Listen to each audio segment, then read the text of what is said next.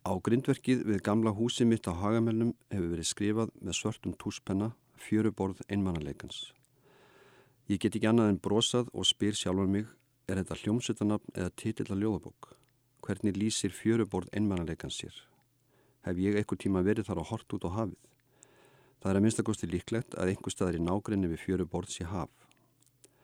En þó að við Hagamirinn sé ekki beinlinis að finna flóð og fjöru, ger ég ekki ráð fyrir að einmannanleiki sé algjörlega óþægt fyrirbæri þar, ekki frekar enn í öðrum götum.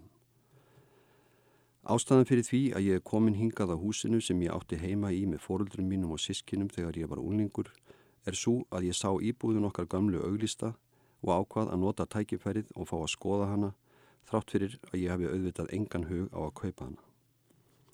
Sérstaklega ekki ef það að búa hér um þessar myndir felur í sér þá áhættu að manni skóli upp í hitt skjálfilega fjöruborð einmannuleikans. Mér langaði einfallega til að koma aftur í gamla herbergi mitt þar sem ég breytist úr barni í ungling svo ég noti fremur hátíðlegt orðalag og þar sem ég tók margar af mínum afdrifaríkustu ákvörðunum ímist við undirleik tónlistar úr fermingarhljómtækjunum eða umvafin mjúkum slæðum ilmandi pípureiks oftast þó með hvort tvekja í gangi í einu, það er að segja tónlistina og pípureikin. Gjörðu svo vel, segir hálf þreytt en vingjandleg konurödd í dyrasíman þegar ég hef útskýrt að ég sé sá sem ætlaði að koma að skoða. Takk, segi ég og íti upp hörðinni. Það var sem sagt hér, hugsa ég, þegar ég horfi upp eftir sameinlegum tröppunum upp á aðra og þriðju hæð, það var hér sem það gerðist allt saman. Við byggum á þriðju hæðinni. Gróflega reiknað hef ég kannski lappað upp þessa tröppur 8 til 9.000 sinnum og áleika oft niður ger ég ráð fyrir. Hinnar og þessar minningar bæra á sér í huganum þegar ég geng upp tröppurnar í fyrsta sinn í 24 ár en þegar núverandi eigandi íbúðarinnar opnar dyrnar og býður mér að koma inn bókstarlega vakna þessar minningar og spretta fram úr eins og um lifandi mannesku var ég að ræða. Ég þykist finna sömu lykt og var en þegar ég kemin í hólið víkur hún fyrir þungri matarlykt, lykt sem í stað þess að vekja upp í mér hungur gerir mig frábyttin öllum mat. Það sem var speill á vegnum millir eldústýrana og dýrana sem opnuðist inn í borstofuna, speill sem geimdi alltaf andlit ungs frænda míns eftir að hann gretti sig í hann nokkurn dögum áður en hann dó, þar er núna vasslita mynd af húsaröð sem mér finnst ég kannast við hér í bænum. Fólkið sem býr hér núna leggur vantarlega ekki áherslu á að geta skoða sér framann áður en það fer út úr dyrunum. Allir sé ekki best að ég byrja á að sína þér hérna hjónaherbyggið og klósettið, segir konan sem hlefti mér inn. Hún er á að giska um 50 með laglegt andlitsfall en óskaplega mætt á svip, hún hefur greinilega ekki pengið á kvild sem hún þarf á að halda. Mér þykir allt í enu mjög leiðilegt að hún skulle vera að búa til eitthvað í eldúsinu sem lyktar svona ítla. Áður en ég eldi hana inn eftir ganginum að hjónaherberginu teki eftir að gamla herbergi mitt sem er við hliðin á dýrónum fram á stegagang, beinta móti speklinum sem einu sinni var, er lokað og einnig dyrnar að stofunni. Svo er barnaherbyggi hérna við hliðin á Setneberginu, segir konan, en þegar hún opnar þangað inn sé ég að þar sem einu sinni var skipurlögð vistarvera bróður míns sem lagði alltaf tölvert upp úr því að hafa hrind inn í hjá sér, er núna frekar óþrýfaleg kompa Þarna eru bunkar af gamlu morgunblöðum sem lykta, hellingur af myndbandsbólum, plastbókar fullir af kókbrúsum og bjórdósum og allskinn stót sem enginn vilist nota lengur. Þetta er nú meira bara svona gemsla, segir konan og lokar dýrunum. Hún vil augljóslega ekki að ég sé að kynna mér þetta nánar. Svo sínir hún mér baðherbergið sem er svo til óbreytt frá því við fjölskyldan áttum heima hérna en þokkalega snirtilegt og þegar ég kemin í Sötnebergið fæ ég á tilfinninguna að þar hafi verið tekið til og búið um alveg sérstaklega fyrir heimsokk mína. Þótt konan lítið ekki út fyrir að vera mjög umhugað um hreinlæti hefur henni fundist rétt að hafa Sötnebergið óaðfinnanlegt hvað það varðaði. Ég ímynda mér að eitthvað hafi gerst þar kvöldið áður sem hún vildi vera vissum að væru engin sjáanleg merkjum. En þrátt fyrir að ég noti orðið óaðfinnanlegt í sambandi við Sötnebergið get ég nánast fundið að öllu sem þar er. Jamt húsgögn sem munir eru svo hryllilega ljótir og ósmekklegir að mér finnst sem snöggvast að fegurðaskinnið sé það element hugans sem dýfstu gjárnar myndar á milli okkar mannana.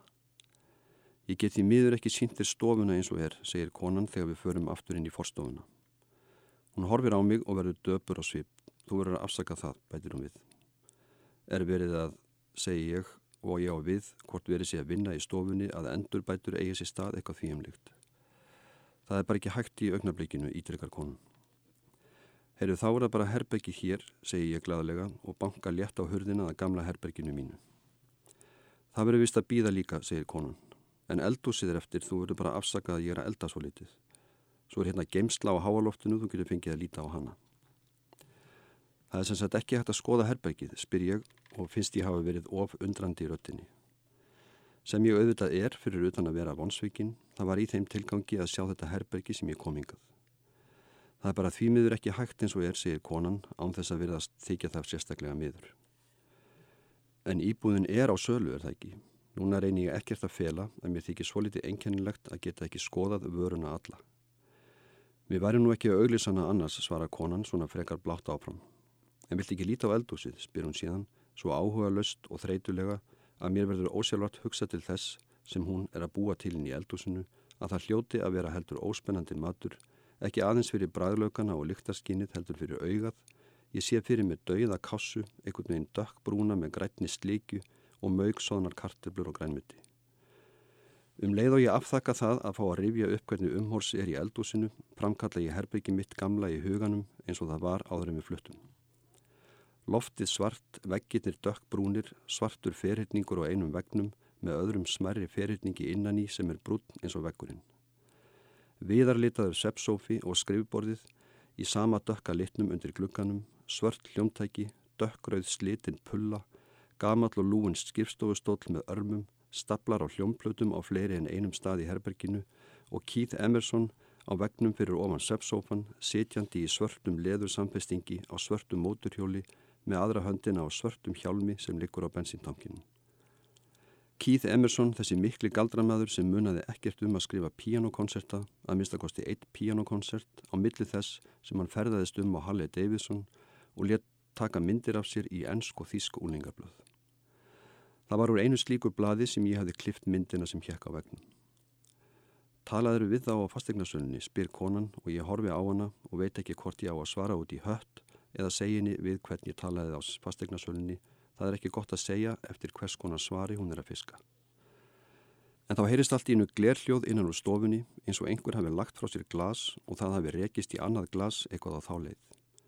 Konan reski sig og horfir í kringum sig og ekki neitt, hún er að býða eftir að ég fari. Ég get heldur ekki sagt að mér langi til að vera hér öllu lengur, ég þakka henni fyrir og sný mér að dyrunum fram á gang.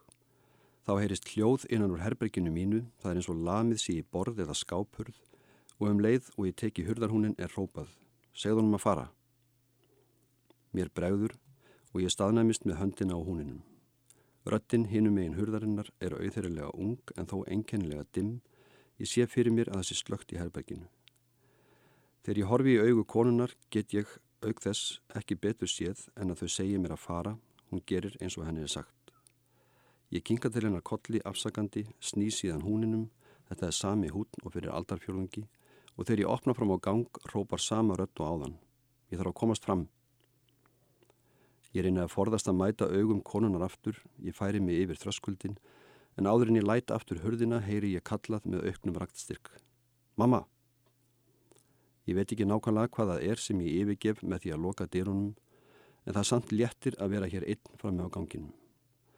Áður en ég gengniðu stegan vantilega í allra síðasta sinn horfi ég upp þraungar og brattar tröppurnar að háaloftinu sem ég hefði geta fengið að skoða hefði ég viljað. Á leiðinni niður tek ég eftir því að tvær myndir sem hanga á vegnum við dyrnar að neðri íbúðin í stíðaganginum eru sömu myndir og voru þar þegar við áttum heima hérna. Ég ætti að muna það, segi ég við sjálfa mig, eftir að hafa gengið fram hjá þeim hátt í 20.000 sinnum ef eitthvað var að marka útreikninga mína. Hún reyfjast upp fyrir mér fjölskyldan sem bjó fyrir neðan okkur. Sónur hjónana var ágættur vinnu minn og allt í hennu finnst mér svo litið fáranlegt að hafa ekki hýrta þessu fólki síðan. Er hugsanlegt að það ég heima hérna enþá. Þegar ég ringdi dýrabjöllunni hjá konunni uppi, gæti ég ekki séðan einn nöfn, korki við bjölluna nýja útidýrahörðinni, en fyrst sömu myndir eru enn á vegnum er ekki óleiklegt að þau séu hérna enþá, að minnstakosti hjónin sem hljóta þá að vera orðin frekar roskinn.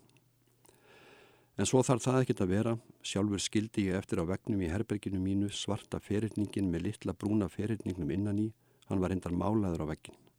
Og plakatið með myndinu af Keith Emerson, Ég man ekki heldur eftir að hafa tekið það með mér þegar við fluttum.